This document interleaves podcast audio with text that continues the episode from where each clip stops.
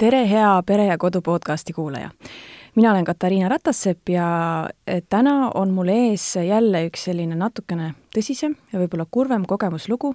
nimelt eh, mul on külas Kristiina, kes on siis valmis rääkima oma lapsepõlves kogetud vägivallast ja seda seetõttu, et me mõlemad loodame, et kui meid eh, kuulab kas või üks lapsevanem, keda see siis veidi mõjutab ja paneb mõtlema, kui palju võib lapsepõlves kogetu last terveks eluks mõjutada ja seetõttu jätab siis käe lapse vastu tõstmata, siis, siis me tunneme, et sellest podcastist on kasu.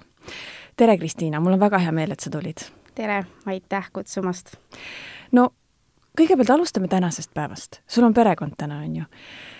Milline su perekond on? mul on väga-väga äh, ilus perekond, selline perekond, kellest ma kunagi lapsena korduvalt-korduvalt äh, unistasin mul on võrratu abikaasa, kellega me oleme koos olnud nüüd siis äh, kuues aasta jookseb, kuus aastat saab kohe varsti täis, ja meil on kolm väga-väga armsat last, kaks poega ja tütar. kui vanad lapsed on? Äh, poeg sai nüüd aasta lõpus äh, neljaseks, teine poeg on meil natukene üle kahe poole aasta vana ja tütar saab nüüd märtsis aastaseks. nii et päris väikse vahega ja päris pisikesed lapsed, kuidas sa jaksad peab jaksama. Et äh, tegelikult me äh, päris teadlikult võtsime selle otsuse vastu, et äh, teha lapsed järjest. et alguses oli muidugi niimoodi, et me mõtlesime, et teeme kaks järjest ja siis tuligi kaks poega, mina väga-väga tahtsin kahte poega. Aga siis, kui teine poeg ka ikkagi juba natukene suuremaks kasvas ja hakkas selliseks asjalikumaks muutuma, siis mõtlesime, et ah, teeme selle kolmanda ka ära, et mida me siis ikka ootame ja, ja täitus suur-suur unistus ja kolmas tuli siis tütrekene. et, äh, et see tegelikult oli kõik nagu ikkagi hästi-hästi läbimõeldud ja ma arvan, et see, et me nii teadlikult äh, selle otsuse vastu võtsime, et see kuidagi nagu aitab selle kõigega ka paremini toime tulla. et äh, jah -hmm. kõik on, kõik on väga hästi, vahest on ka raske, ei vaidle üldse vastu, ei hakka rääkima, et oo, kõik on nüüd mingi hull muinasjutt, et äh, on ka raskemaid aegu ja raskemaid päevi, aga tegelikult on, on see kõik väga äge, nad on koos nii toredad no me siin enne juba natukene korra rääkisime, et, et äh, kui äh, laps näeb lapsepõlves vägivalda või kogeb seda, siis väga tihti sellised naised valivad endale vägivaldse partneri. aga sina oled siis nagu nii teadlikult endale nagu nii ilusa ja tervisliku suhte loonud. kuidas see sul õnnestus? tegelikult õnnestus see kogemata, selles mõttes, et, et mina olen ka läbi käinud äh, ühest sellisest suhtest, kus esines vägivalda, mitte küll niivõrd vaim- või äh, füüsiliselt, vaid pigem vaimselt ja, ja eks, eks sealt tekkis muidugi hästi suur usaldamatus absoluutselt kõikide maailma meeste vastu, et et kui see suhe, kui ma üks hetk suutsin nagu selgroo endale kasvatada ja sellest suhtest välja astuda, siis ma lubasin endale juba igasuguseid rumalusi, et ma ei võta üldse endale mitte kunagi mitte ühtegi meest, et äh, nagu täiesti null oli mitu-mitu aastat aga, aga siis äh, kuidagi täiesti kogemata juhtus niimoodi, et äh, sain tuttavaks siis äh, oma praeguse abikaasaga. Ja alguses oli ka, et ega see ei olnud see, et armastus esimesest silmapilgust ja kohe me hakkasime nüüd koos olema, et ikkagi läks nagu aega, tema oli ka tegelikult tol ajal üldse oma eelmise elukaaslasega koos, aga siis, kui nagu aeg edasi läks, hakkasime rohkem suhtlema, siis kuidagi vaikselt-vaikselt nagu hakkasid need minu nii-öelda müürid allapoole langema, et nii-öelda anda võimalus kas või ühele meessoost isikule endaga kas või lihtsalt suhelda. ja, ja niimoodi see kuidagi vaikselt tuli ja, ja ma ei tea, see kõik läks kuidagi nagu nii märkamatult, et äh, et äh, ma ei, ma ei tea ise ka, kuidas, kuidas läks niimoodi, et et, et ma lõpuks leidsin sellise inimese, kellega päriselt ka ma tunnen ennast hästi. sest see lootus selline inimene leida, see oli ikka vahepeal no nii kadunud kui kadunud, et äh, ma loodan, et, et see sinu lugu annab siis julgustust ja lootust paljudele. jaa, jaa, sest äh, ei ole tegelikult kõik kadunud, ei ole. et isegi kui tundub, et, äh, et kõik on nii-nii halvasti, siis äh, võib tulla lihtsalt üks päev, üks kontsert, nagu minu puhul oli, läksin sinna ja voilaa, seal oli inimene. et nii ta läks. no aga lähme siis tagasi sinna lapsepõlve, et äh, mil viisil sina kogesid lapsepõlves vägivalda ja millal see algas? no pole vist olemas viisi, mis viisil ma seda ei kogenud.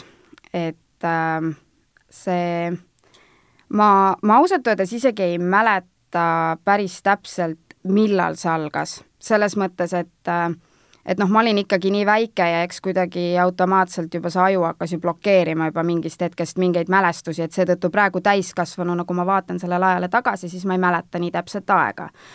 aga ma olin lasteaialaps ja, ja ja noh, ütleme jah, kuskil niisugune kuue-seitsmeaastane, umbes sellises vanuses ma olin, kui siis ma mäletan sellist konkreetset esimest nii-öelda korda, põhjust, et miks nagu niimoodi läks. -hmm. mis see esimene kord või põhjus oli siis? Äh, ma käisin lasteaias ja minu lasteaiakapp ei olnud piisavalt korras mm. -hmm.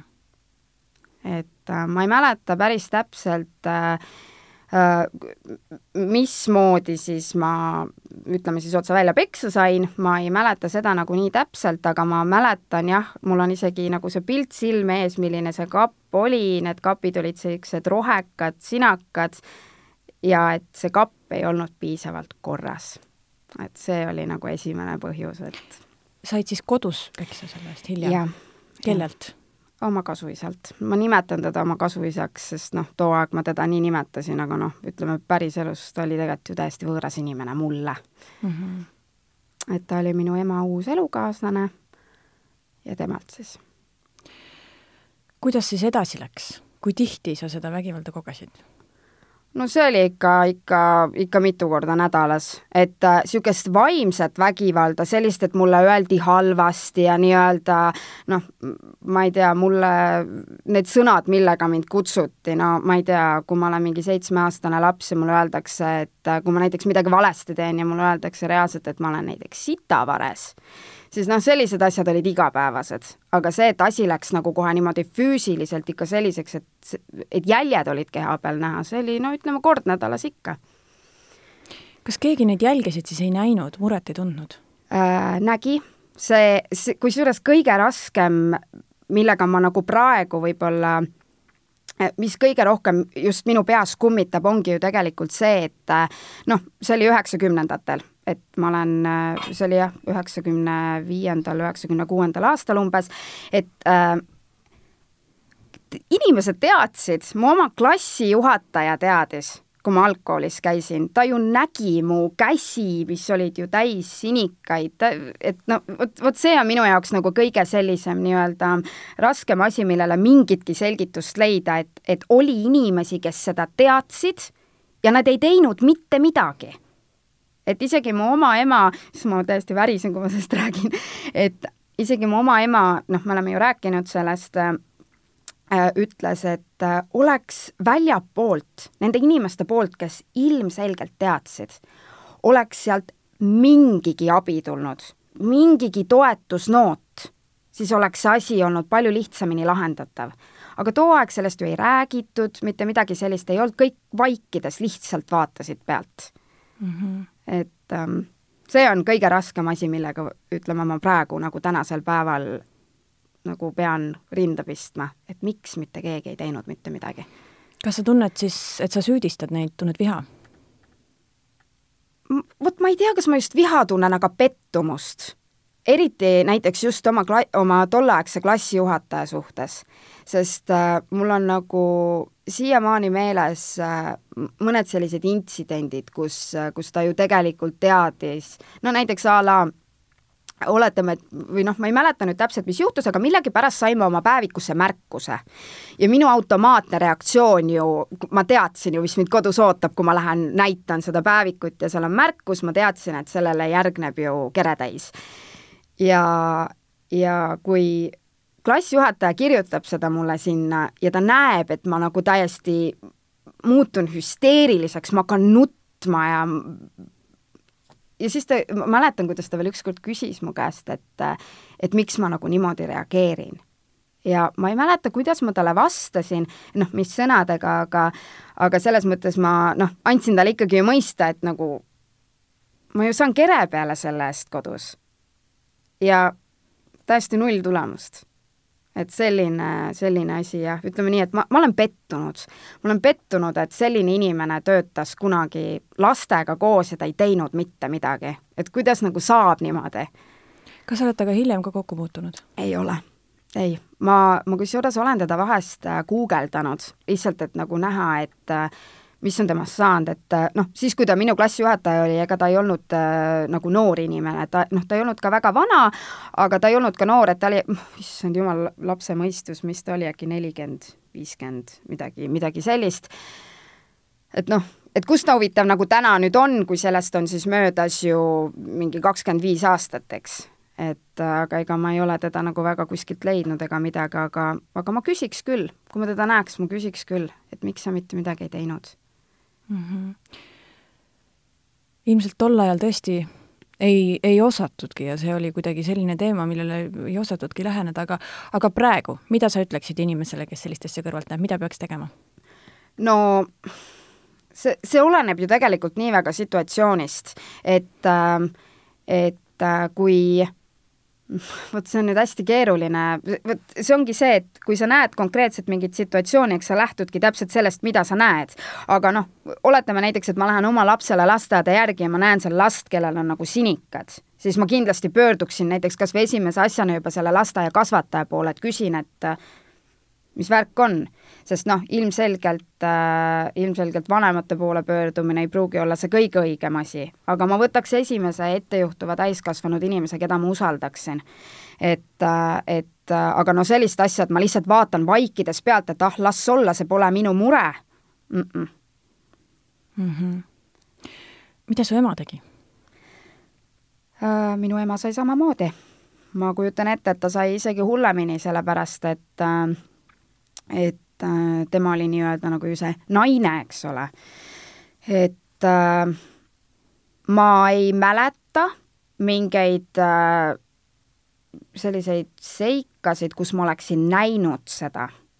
aga ma tean, et äh, juhtus asju, kindlasti ema ei ole mulle ka kõike rääkinud ja noh, te, tema privaatsust austades ma ei hakka ise siin ka sellest praegu niimoodi rääkima, aga, aga tema sai ise täpselt samamoodi eks ta oli ka nii pihuks ja põrmuks tehtud, et, et ega ta ei julgenudki mitte kuskile minna, et tugivõrgustik oli ka ju too aeg meil täiesti olematu, et ei olnudki nagu mitte kuskile minna. Ja, ja kui ta ju ise nägi ka, et on ju inimesi, kes teadsid, inimesi, kes lausa nägid pealt, näiteks just selle mehe pere, tema vanemad näiteks olid näinud pealt, olid vahepeal isegi vahele tulnud, äh, vend, täpselt samamoodi vennanaine, tolleaegne vennanaine, mitte keegi ei teinud mitte midagi.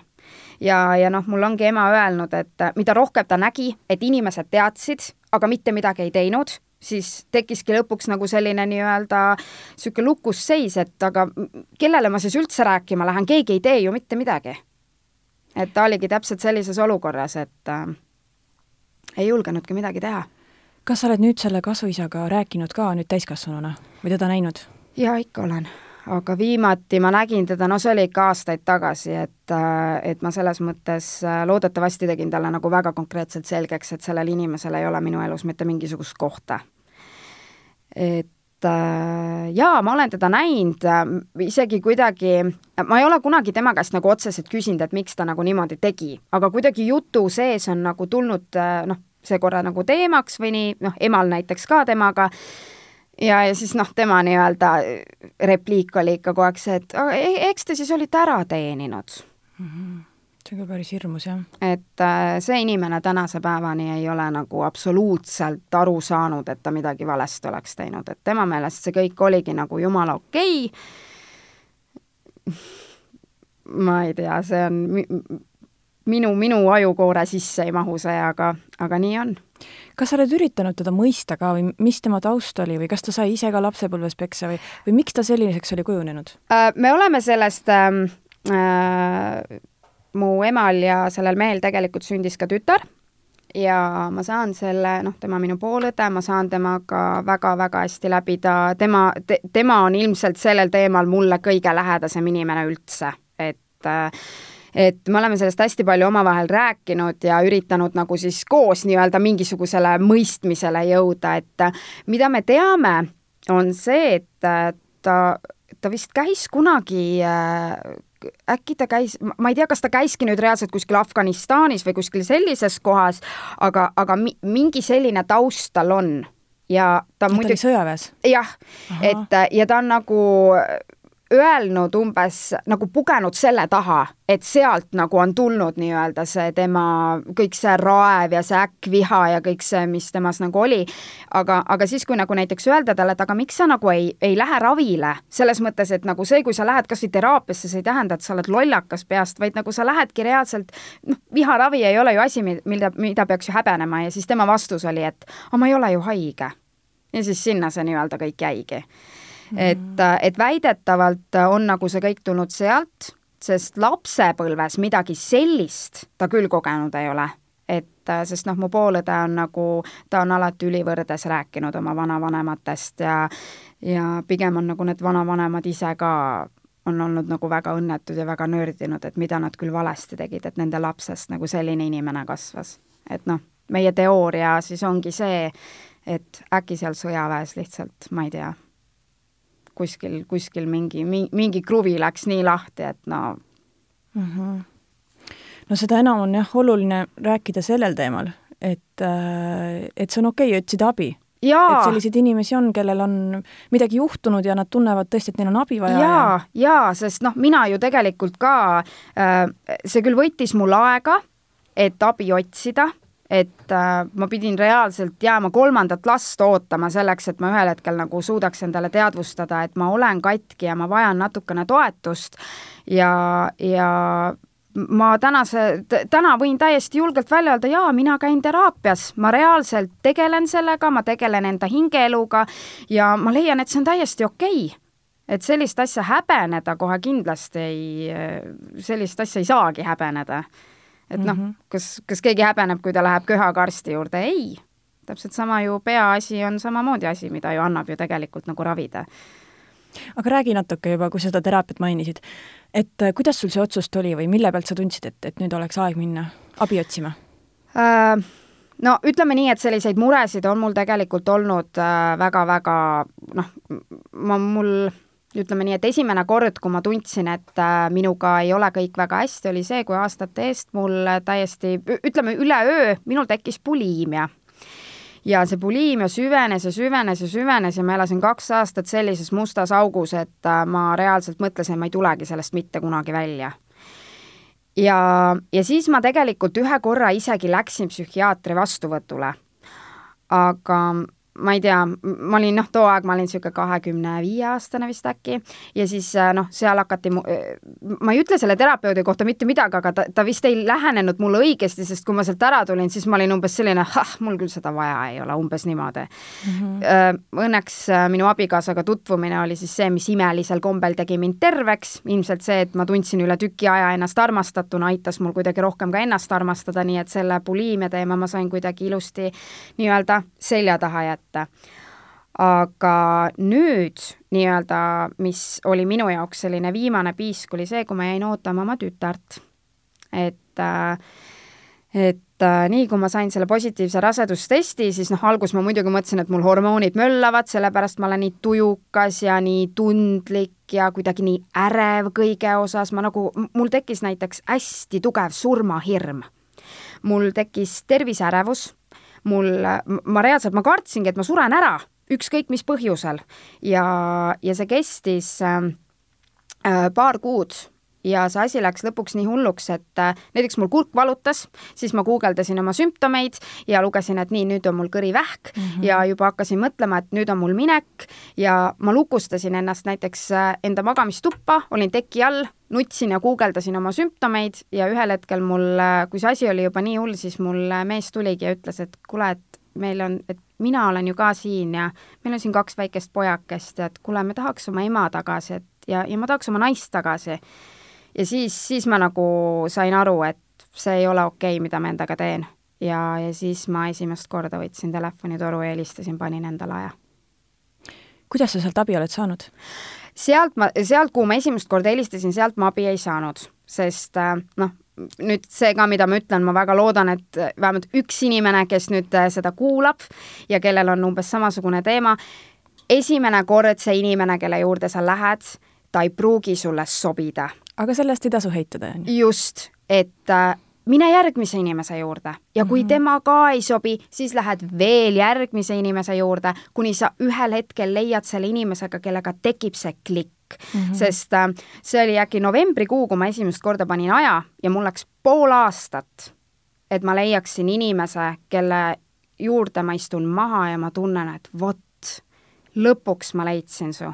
ja noh, raseduse alguses ma siis nii-öelda sinna auku vajusin ja enda terapeudi ma leidsin siis, kui minu beebi oli juba kahekuune. Mm.. nii et ma otsisin ikka, ikka kaua otsisin seda inimest ja ja eelmise aasta maikuust alates ma selle õige inimese siis leidsin ja, ja tema juures ma olengi nüüd äh, regulaarselt käinud ja mul läheb täpselt nii hästi, et kui maikuus oleks keegi mulle öelnud, et ma istun siin ja ma julgen rääkida oma loost, siis ma oleks öelnud, et ei, selline asi ei ole võimalik. aga ma olen praegu siin ja ma reaalselt julgen sellest esimest korda niimoodi rääkida mida te teete terapeudi juures, kas te rohkem lahkate nagu lapsepõlve või te tegelete sellega, et äh, kuidas täna nagu hakkama saada? see kuidagi nagu põimub kokku sinna, et, et äh, hetkel me ikkagi nagu üritame kuidagi äh, ütleme nii, me tegeleme ikkagi juba sellega ka, et me räägimegi väga täpselt läbi, mis kõik lapsepõlves juhtus. Et nii-öelda korra see läbi töötada, läbi mõtestada ja siis panna see kinnisesse kasti ära, aktsepteerida, et jah, see juhtus minuga kunagi, aga ma ei pea sinna kasti enam mitte kunagi vaatama, ma sätin kõik enda jaoks nii korda, et see ei häiri mind enam. et, äh, et ähm, meil on, meil on ka täitsa sellised valusad asjad vaja läbi rääkida, et just selleks, et ma suudaks ennast täna võib-olla paremini mõista ja endaga paremini toime tulla, et olla ise parem ema mm. -hmm. see kasti metafoor on tore, ma olen ühe psühholoogi kuust, suust kuulnud ka seda, et et see, mis meie peas on, on nagu kapp. Ja kui sa seda ei korrasta, siis sa teed uksed lahti ja kõik vajub sulle kaela. aga kui sa teed korda, paned sahtlitesse, erinevatesse kohtadesse kõik ära, sa tead, kus miski on ja sa ei pea tegelikult neid asju puutuma. just, et noh, näiteks üks asi, mida minu äh, terapeut ütles just siis, kui ma, ma käisin koos oma õega tema juures, noh kuna mu õel on ju samasugune nii-öelda läbielatu ja minu õde on juba selle asjaga ammu enne mind tegelema hakanud, et, et siis nad mõlemad selgitasidki mulle näiteks väga hästi ära selle, et, et ähm, mul on posttraumaatiline stressihäire sellest kõigest, näiteks äh, kui ma tunnen mingit lõhna, mis meenutab mulle nagu seda korterit näiteks, üldse mingit seika sellest lapsepõlvest, siis nagu see, see võib mul terve päeva nii ära rikkuda, et mul tulevad kõik need pildid, kõik asjad, ma ei söö, ma ei maga, ma olen noh, nii halvas seisus omadega. aga kui ma töötaks selle niimoodi läbi, et ma nagu tean, ahah, vot, see tuleb sealt, aga mul on juba see kõik enda jaoks nii lahti mõtestatud, ilusti sahtlitesse kõik asjad ära pannud, siis see ei, see ei vaju mulle enam niimoodi peale. noh mm -hmm., nagu sa ise ka ütlesid, et, et kapi ukse lahti, kõik kukub peale. aga praegu olen ma näiteks täpselt äh, nii algfaasis, et hetkel ikkagi, kui miski selle kapi natukene lahti teeb, siis kõik vajub mulle kaela mm. -hmm et, äh, et jah, mulle ka minu terapeut just koos minu õega hästi ilusti selgitasid mulle selle lahti ja ütlesid veel ka, et jaa, see teema ei saa, see, see nii-öelda sellest teemast rääkimine ja see kõik ei saa olla tore, see saab olema väga valus, aga see tuleb ära teha mm. -hmm. kas oli väga raske alguses rääkida? Äh, jaa, ikka, mul võttis ikka väga, no ikka mitu kuud võttis aega, et ma näiteks äh, julgeksin rääkida välja mingisugused detailid. et äh, aga õnneks mul on nagu selline terapeut, kes, ta ei küsi mu käest kusjuures üldse nagu nii väga midagi, vaid ta kuidagi nagu oskab täpselt niimoodi suunata, et ühel hetkel, kui ma olen valmis, siis ma räägingi ise. et, et jaa, on, on olnud ikkagi selliseid, selliseid kordi ka, kus, kus ma ikka pool, pool sellest istumisest seal ikkagi pean pisaraid pühkima, et väga raske on kas sa usud, et sellest, et sina käid teraapias, on abi ka sinu lastele? jaa, jaa, sellepärast et ma olin niisugune segapundar, kui ma ju sinna läksin. ja aga, aga mida rohkem ma seal käisin, seda enam ma tundsin, et ma olen kuidagi palju rahulikum, sest äh, üks asi, millega ma olen hästi palju pidanud nagu tööd tegema, on see, et mul on endal ka see äkkviha ja ma ei saanud aru, kust see tuleb. näiteks iga, mingi väike asi võis mul kuidagi nagu niimoodi kaane pealt visata, et, et äh, kuri hääl minu seest tuli nii, et ma ma ei saanud arugi aga, aga kui ma hakkasin nagu tegelema selle kõigega, ma hakkasin nagu kuidagi enda jaoks äh, leidma põhjuseid, kust see kõik nagu tuleb, siis minule endalegi täiesti märkamatult äh, ma olin oma lastega ja, ja tegelikult oma mehega ja üleüldse kõikides oma suhetes palju rahulikumaks muutunud. et, et ma tean, et saab ju teistmoodi, et ma tean, kust see tuleb mm. -hmm. ja sa oled praegu selle teraapia tee keskel siis umbes või? ma võiks öelda, et tegelikult ma olen ikkagi alguses mm et sa näed, et pikk tee on veel ees? jaa, on pikk tee ees mm. -hmm, mm -hmm. no väga vapper sinust igal juhul, et sa praegu sellest räägid siin. aga lähme korra tagasi lapsepõlve, et ähm, millal see lõppes või kuidas siis? no ühel hetkel ikkagi mul äh, ema suutis ka ennast äh, võtta selles mõttes nii-öelda korjata ennast kokku sealt äh, põrandalt ja, ja kolis ära. oled sa temaga rääkinud, kust ta siis selle jõu lõpuks leidis? issand, mul ei tulegi võib-olla praegu niimoodi nüüd, ei, mul ei, vot, vot ma ei olegi päris ta käest nagu niimoodi küsinud. ma tean seda, et, ähm, et äh, teda aitas äh, meie, noh, minu vana-vanaema ehk siis tema vanaema. et äh, et kuidagi nagu koos suudeti siis nagu muretseda suurem korter, kuhu siis saaks ema noh, ära kolida oma, oma kahe lapsega ja, ja noh, kuidagi, kuidagi niimoodi nagu see asi ikkagi laias laastus muutus, aga noh, päris ära see ei kadunud, sellepärast et kuna ikkagi minu õe isa ta ju oli, siis äh, või noh, on, oli, on, keegi teda isaks ei pea, aga noh et, äh, et ta kolis meile ikkagi päris lähedale ja, ja seetõttu ütleme nii, et kui äh, minu jaoks füüsiline pool vähenes, siis äh, vaimne terror äh, jätkus ju samamoodi ja tegelikult isegi hullemini, sellepärast et küll sain ma sõimata, et mina olen üldse süüdi, et nad lahku läksid ja mina olin ikka see ussitaja seal ja siis ma, see oli juba see hetk, kus ma nagu mõtlesin, et noh, kus ju endal hakkas juba natukene ju mõistust tekkima, et ma olen üheteistaastane kuidas huvitav mina suudan kaks täiskasvanud inimest omavahel lahku ajada, kui teie kõike nii õigesti teete? et juba siis mm -hmm. suutsin ma nagu mõelda niimoodi, et milles sa süüdistad mind.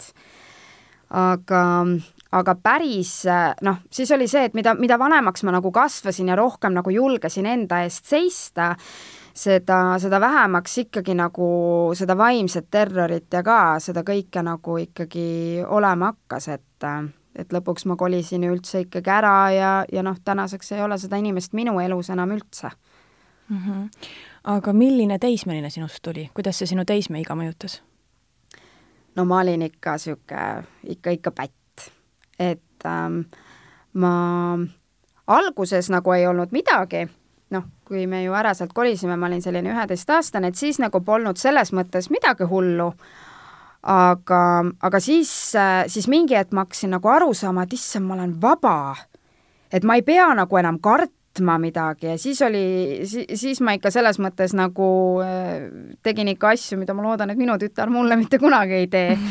Et, äh, et noh, küll ma hakkasin kodust ära minema, hakkasin hulkuma ja siis oli ju see, et noh, kuna ju äh, äh, sellel ajal, kui ma kasuisaga ju elasin, ega mul väga sõpru ei olnud, ma olin pigem selline eraklik, mind kiusati koolis hästi palju äh,, noh, kõik sellised asjad, aga siis, kui ma hakkasin juba emaga koos elama, siis mul hakkasid ju sõbrad tekkima ja siis oli ikkagi see, et et oli ju äge nendega kuskil ringi töllerdada ja, ja siis oli ju äge suitsu proovida ja kõiki selliseid asju teha, et õnneks politsei eskort mind kunagi koju ei toonud, aga ma tegin ikka nagu selles mõttes asju, no ma ikka tegin igasuguseid asju, sest ma tundsin, et ma olen vaba, ma saan elada, ma saan olla laps, mul on sõbrad.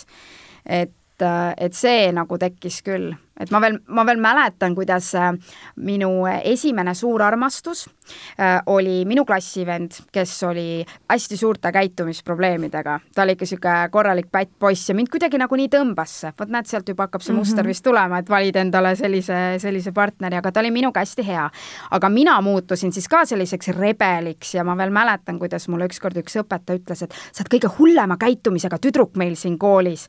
aga minu jaoks oli see nagu niisugune, oo, ma olin lausa meelitatud jaa, et ähm, jaa, ma olin ikka selline mõnus niisugune äh, tulehark pubekana.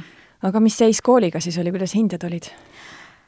Äh, no need ikka langesid, sest ega mind ju ei huvitanud mingi koolis käimine, et see noh, ma olen aasta istuma jäänud ja, ja noh, ütleme nii, et ma nagu vedasin välja küll, aga, aga see oli nagu minu jaoks niisugune mm -mm ei olnud nagu üldse oluline. et see mõistus õnneks tuli mul keskkoolis pähe, et siis ma nagu, siis toimus mingi kannapööre, et siis ma nagu võtsin ennast kokku. aga põhikool oli küll selline, et käitumine oli ikka mitterahuldav ja mm. -hmm. aga kui sa ikkagi nüüd varases nooruses jõudsid selle buliimiani, siis kuidas see ikkagi niimoodi üleöö tuli, nagu sa ütlesid? no tegelikult oli niimoodi, et et äh, ma kolisin Austraaliasse ja, ja sinna Austraaliasse tegelikult ma läksingi siis, kui mul lõppes ära see, see vägivaldne suhe. et ma tundsin, et äh, ma ei taha enam mitte midagi, mind ei huvita mitte ükski mees enam, nüüd ma elan ainult endale, umbes selline mingisugune piss lõi pähe ja, ja siis ma hakkasin suhtlema ühe, ühe noormehega, kes just oli Austraaliasse läinud. ja, ja siis üks hommik ma äh, tõusin üles, mõtlesin, ma lähen ka et ma nüüd lähen. Ma olin siis kahekümne kahe aastane äkki, umbes nii, ja kui ma siis sinna, noh, ma kogusin ilusti raha ja kõik läksin nagu hästi eeskujulikult, et kõik oli nagu selles mõttes väga tore, aga mul oli seal alguses hästi raske. Ja, ja sealt hakkas vaikselt tulema see kompulsiivne toitumishäire, et ma hakkasin ennast lohutama toiduga. ja siis ütles mulle seal üks noormees, et äh, kuule, Kristiina, sul on kõht ette tulnud mm. ja sellest ühest lausest piisas, see oli ju jälle mingi kriitikanool, mida ma olin ju terve lapsepõlve kuulnud ja siis sealt kuidagi see tekkis, et ühel hetkel, kui ma endale juba nagu teadvustasin, et midagi on nagu ikka väga valesti, siis ma olin juba ikka mitu korda päevas endale näppe kurk, kurku ajanud ja aga samal ajal mul kaal muudkui tõusis ja mida rohkem see tõusis, seda hullemaks kõik läks. siis ma kuulsin ju ikka mingeid kommentaare, kuule, sa oled vist ikka natukene juurde võtnud ja noh, sellest piisas ja noh, niimoodi, niimoodi ta läks mm. -hmm. sest et ma vaatan sind ja sa oled pisike ja sale naine, et, et nagu hämmastav mõelda, et sa võisid mõelda et.... no kui sa mind ja. vaatad, kujuta mulle nüüd mingi kaheksateist kilo juurde, et arvestades, kui väike ma olen, siis see kaheksateist kilo, see paistis no nii ilusti välja absoluutselt igalt poolt, et äh, praegu, kui ma ikka vaatan neid pilte, no see on ikka jube, milline ma välja nägin mm. -hmm. ja seda siis tekitas buliimia ikkagi? no ütleme nii, et mul käis see nagu käsikäes selle kompulsiivse ülesöömisega, et mm -hmm. ega kõike sa ju välja ei oksenda, sellepärast et äh, seedimine ja see kalorite imendumine ju, ma olen kuulnud, et saab juba suust alguse. et see, et ma selle välja oksendan, ega see ju alati kõike ei päästa, et niimoodi ta läks, et muudkui paisusin ja et see ikka jah aga buliimiaga sa siis ei vajanudki nagu professionaalset abi, et sa said sellega ise hakkama, jah? jah ma, ma selles mõttes olen ikkagi nagu noh, kui ma nagu praegu ikkagi mõtlen sellele, siis ma ei julge sada protsenti öelda, et ma olen nüüd täiesti terve.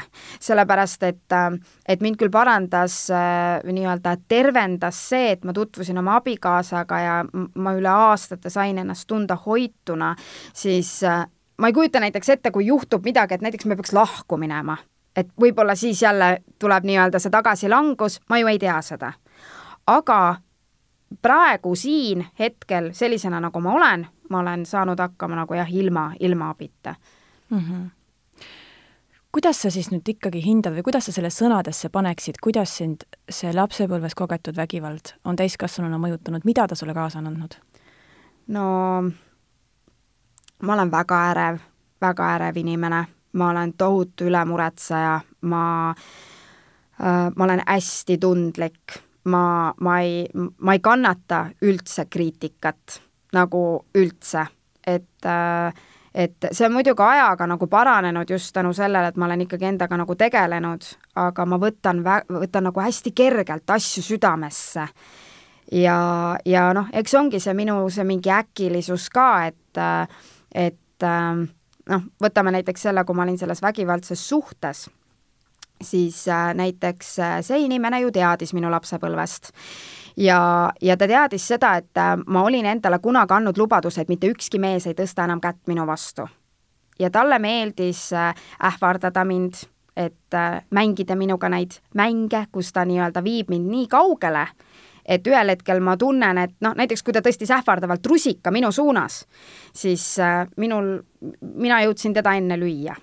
-hmm. ja mhm. siis tuli see, et et näed, sa oled psühhopaat, sa lõid mind, sa tegid seda ja seda ja seda, aga see, mis eelnes sellele, see mitmetunnine provotseerimine ja see, et äh, ühel hetkel ma tundsingi, et aga äkki ta lööbki mind. et noh, ütleme nii, et nagu selline hull tung ennast kaitsta mm, -hmm. et selline asi oli mul nagu mingi periood hästi-hästi tugev, et see on nagu õnneks mul kadunud, sest noh, ma tunnen ennast nüüd oma elus selles mõttes võrdlemisi turvaliselt. aga, aga noh, just see tundlikkus, hull vajadus enda eest seista, ma võtsin hästi paljuid asju, isegi mingeid ilmsüütuid asju ma võtsin näiteks hästi tugeva rünnakuna kohe. ma kohe mõtlesin, kõik tahavad rünnata ainult mind. et, ähm, et noh, jah, selline ma ei tea, mul niisugust turvatunnet, ma räägin, et see on nagu kõige hullem ja sellest minu meelest saab alguse kõik Mm -hmm. et mhm. kui ei tunne ennast turvaliselt, siis ei meeldi kriitika, ei meeldi solvangud, ei meeldi, kui keegi sulle naerab, mitte miski selline. Kui palju sa inimesi usaldad? mitte eriti. et ähm, väga palju on mulle öeldud, et äh, issand, sinuga on päriselt sellised asjad juhtunud kunagi või? sest noh, ma ju ei räägi, ma ei näita välja ega mitte midagi sellist, lähedale lasen ka võrdlemisi vähe inimesi. aga, aga ma, ma, ma usun, et see on nagu paranenud, et äh, kõik inimesed ei ole ju halvad, on ju väga palju häid inimesi ka tegelikult meie ümber, aga lihtsalt mul, mul võtab aega, et, et nagu veenduda, et jah, see inimene ei ole siin selleks, et mulle haiget teha. kuidas sa oma lapsi kasvatad? ma kindlasti paremini aga, aga mul on ka arenguruumi, aga no ütleme nii, et ei möödu päeva, kui ma ei ütleks, et ma, et ma neid armastan, et nad on mulle kallid, ma musutan ja nunnutan neid kogu aeg äh,. aga, aga ma selles mõttes ikkagi, ma, ma pean ennast õiglaseks vanemaks. et see, et mulle nagu kunagi karistamisega liiga tehti, ei tähenda, et ma ei karistaks oma lapsi üldse. lihtsalt see karistusviis ei ole nagu selline mm, -hmm. et Äh, ja nad on kuulnud minu kurja häält, nad teavad, milline on kuri emme ja on juhtunud, äh, et äh, et olen andnud ka laksu, aga siis on alati asi lõppenud ikkagi sellega, et ma nutan ja vabandan ja ütlen, et emme tegi valesti, nii ei tohi, me ei löö üksteist. aga, aga ma, ma, ma tahan ennast pidada selleks mustrimurdjaks. et kui muidu räägitakse, et vägivald kasvatab vägivalda, siis ma tahaksin mõelda, et see ei pea nii olema ja mina, mina ei ole selline mm. -hmm. ma küsiks nüüd siis peaaegu lõpetuseks, et ähm, kas sa oled mõelnud, et oma kasuisa kriminaalselt vastutusele võtta, sest tegelikult selleks oleks ju põhjust? mida ma enam tõestan, sellest on nii palju aega möödas, et ähm, kusjuures ma olen isegi nagu mõelnud, et ma ma ei viitsiks sellega tegeleda. et äh,, et äh, ma usun karmasse ja, ja ma juba vaikselt näen märke, et karma juba toimetab, sest äh, kui ta oma tütar ei taha teda silma otsaski näha, siis ma arvan, et see on üks viis karmal näidata, et vot, sa tegid valesti, mees, nii ei mm -hmm. tehta. et, äh, et mina nagu hetkel tahan oma põhirõhu pigem panna sellele, et, äh, et mina olen parem ema oma lastele, ma olen parem partner oma abikaasale, et minu rõhk on nagu minu pere juures, et minust saaks nii-öelda tervem inimene ja minu lapsed ei peaks üldse sellise asja peale mõtlema, et ma tahan, et minu rõhk on seal. mu, mu õde on mõelnud selle peale, et äh, aga, aga noh, ma ei tea, ma ei taha panna oma energiat sinna, ma arvan, et mu energia läks sinna juba noh ma olen nii palju energiat pannud selle inimese peale juba lapsepõlves ja nüüd, kui ma saan oma elu ise kontrollida, ma saan ise teha oma valikuid, siis minu valik on pühenduda millelegi muule kui talle mm. -hmm. kas sa tunned, et sa oled talle andeks andnud? ei, ei. ma, ma selles mõttes äh, ma ei, ma ei kanna ta peale viha, mul on tegelikult temast nagu isegi kahju selles mõttes, et kui sa oled ikka nii katki, et sa ei oska teistmoodi oma asju lahendada, kui et sa tõstad käe mingisuguse kuueaastase lapse vastu,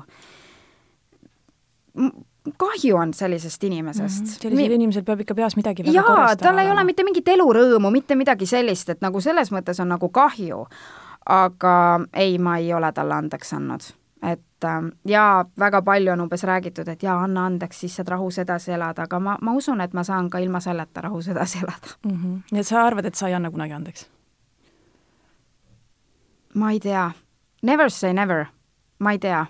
et äh, ma näiteks äh, oma ema osas äh, mul mingi periood ikkagi nagu oli see, et ma nagu tundsin, et, et ei, ma ei suuda aga, aga ma olen temaga ikkagi nagu rääkinud ja oleme nagu, me oleme nagu vabandanud või noh, tema on nagu vabandanud minu ees ja selgitanud oma nägemust, seda tegelikult, millist elu, millist elu tema elas ja talle ma nagu suudan andeks anda. et, sest tema tunnistab, et ta tegi valesti aga, aga arvestades, et isegi täiskasvanuna ütles ju tegelikult äh, seesama mees mulle, et ma olin selle ise ära teeninud, siis mida on mul andestada inimesele, kes ei, kes ei tunne isegi süüdi ennast. et noh mm. -hmm aitäh sulle, Kristiina! aitäh, et sa nii, äh, nii teravatel teemadel äh, ennast avasid. ma tõesti tahan uskuda, et sellest vestlusest võib kellelegi abi olla ma, ma loodan ise sama, et, et see, et ma üldse siia tulin, on tegelikult ka osa minu teraapiast, ma tegelikult kaalusin väga pikalt, kas üldse nagu sellel teemal rääkida, aga, aga ma ise loodan täpselt sama, et, et kas või kui, kui seda kuuleb kas või inimene, kes on ise lähisuhtevägivalla sees koos oma lastega, siis see, et sellest tänapäeval nii palju räägitakse, see on tegelikult nii-nii tähtis, sest nüüd inimesed julgevad reaalselt aidata neid inimesi, kes on hädas. et minu ajal seda teha ei saanud, pole midagi teha, ma pean sellest üle saama, sellest edasi minema, aga täna ei pea see enam niimoodi olema. ma tahan loota, et võib-olla see julgustab ka inimesi, kes on lapsepõlves sellist asja kogenud, siis nüüd täna abi otsima. jaa, see on teine asi, et äh, noh, minul läks abi otsimiseks aega, noh, ma olen üle kolmekümne aasta vana, ma olin kolmekümne aastane, kui ma läksin reaalselt abi otsima, et mitte kunagi pole hilja sellepärast et kui sa tahad ennast kas või homme juba tunda õnnelikuna, siis hakka täna tegelema sellega. kunagi mm. pole hilja. aitäh, nii ilusad sõnad, millega lõpetada. aitäh, armas kuulaja, et sa meid ära kuulasid. nagu ikka, on meie saated leitavad Spotify'st, iTunes'ist, SoundCloud'ist ja kõikidest teistest suurematest podcast'ide rakendustest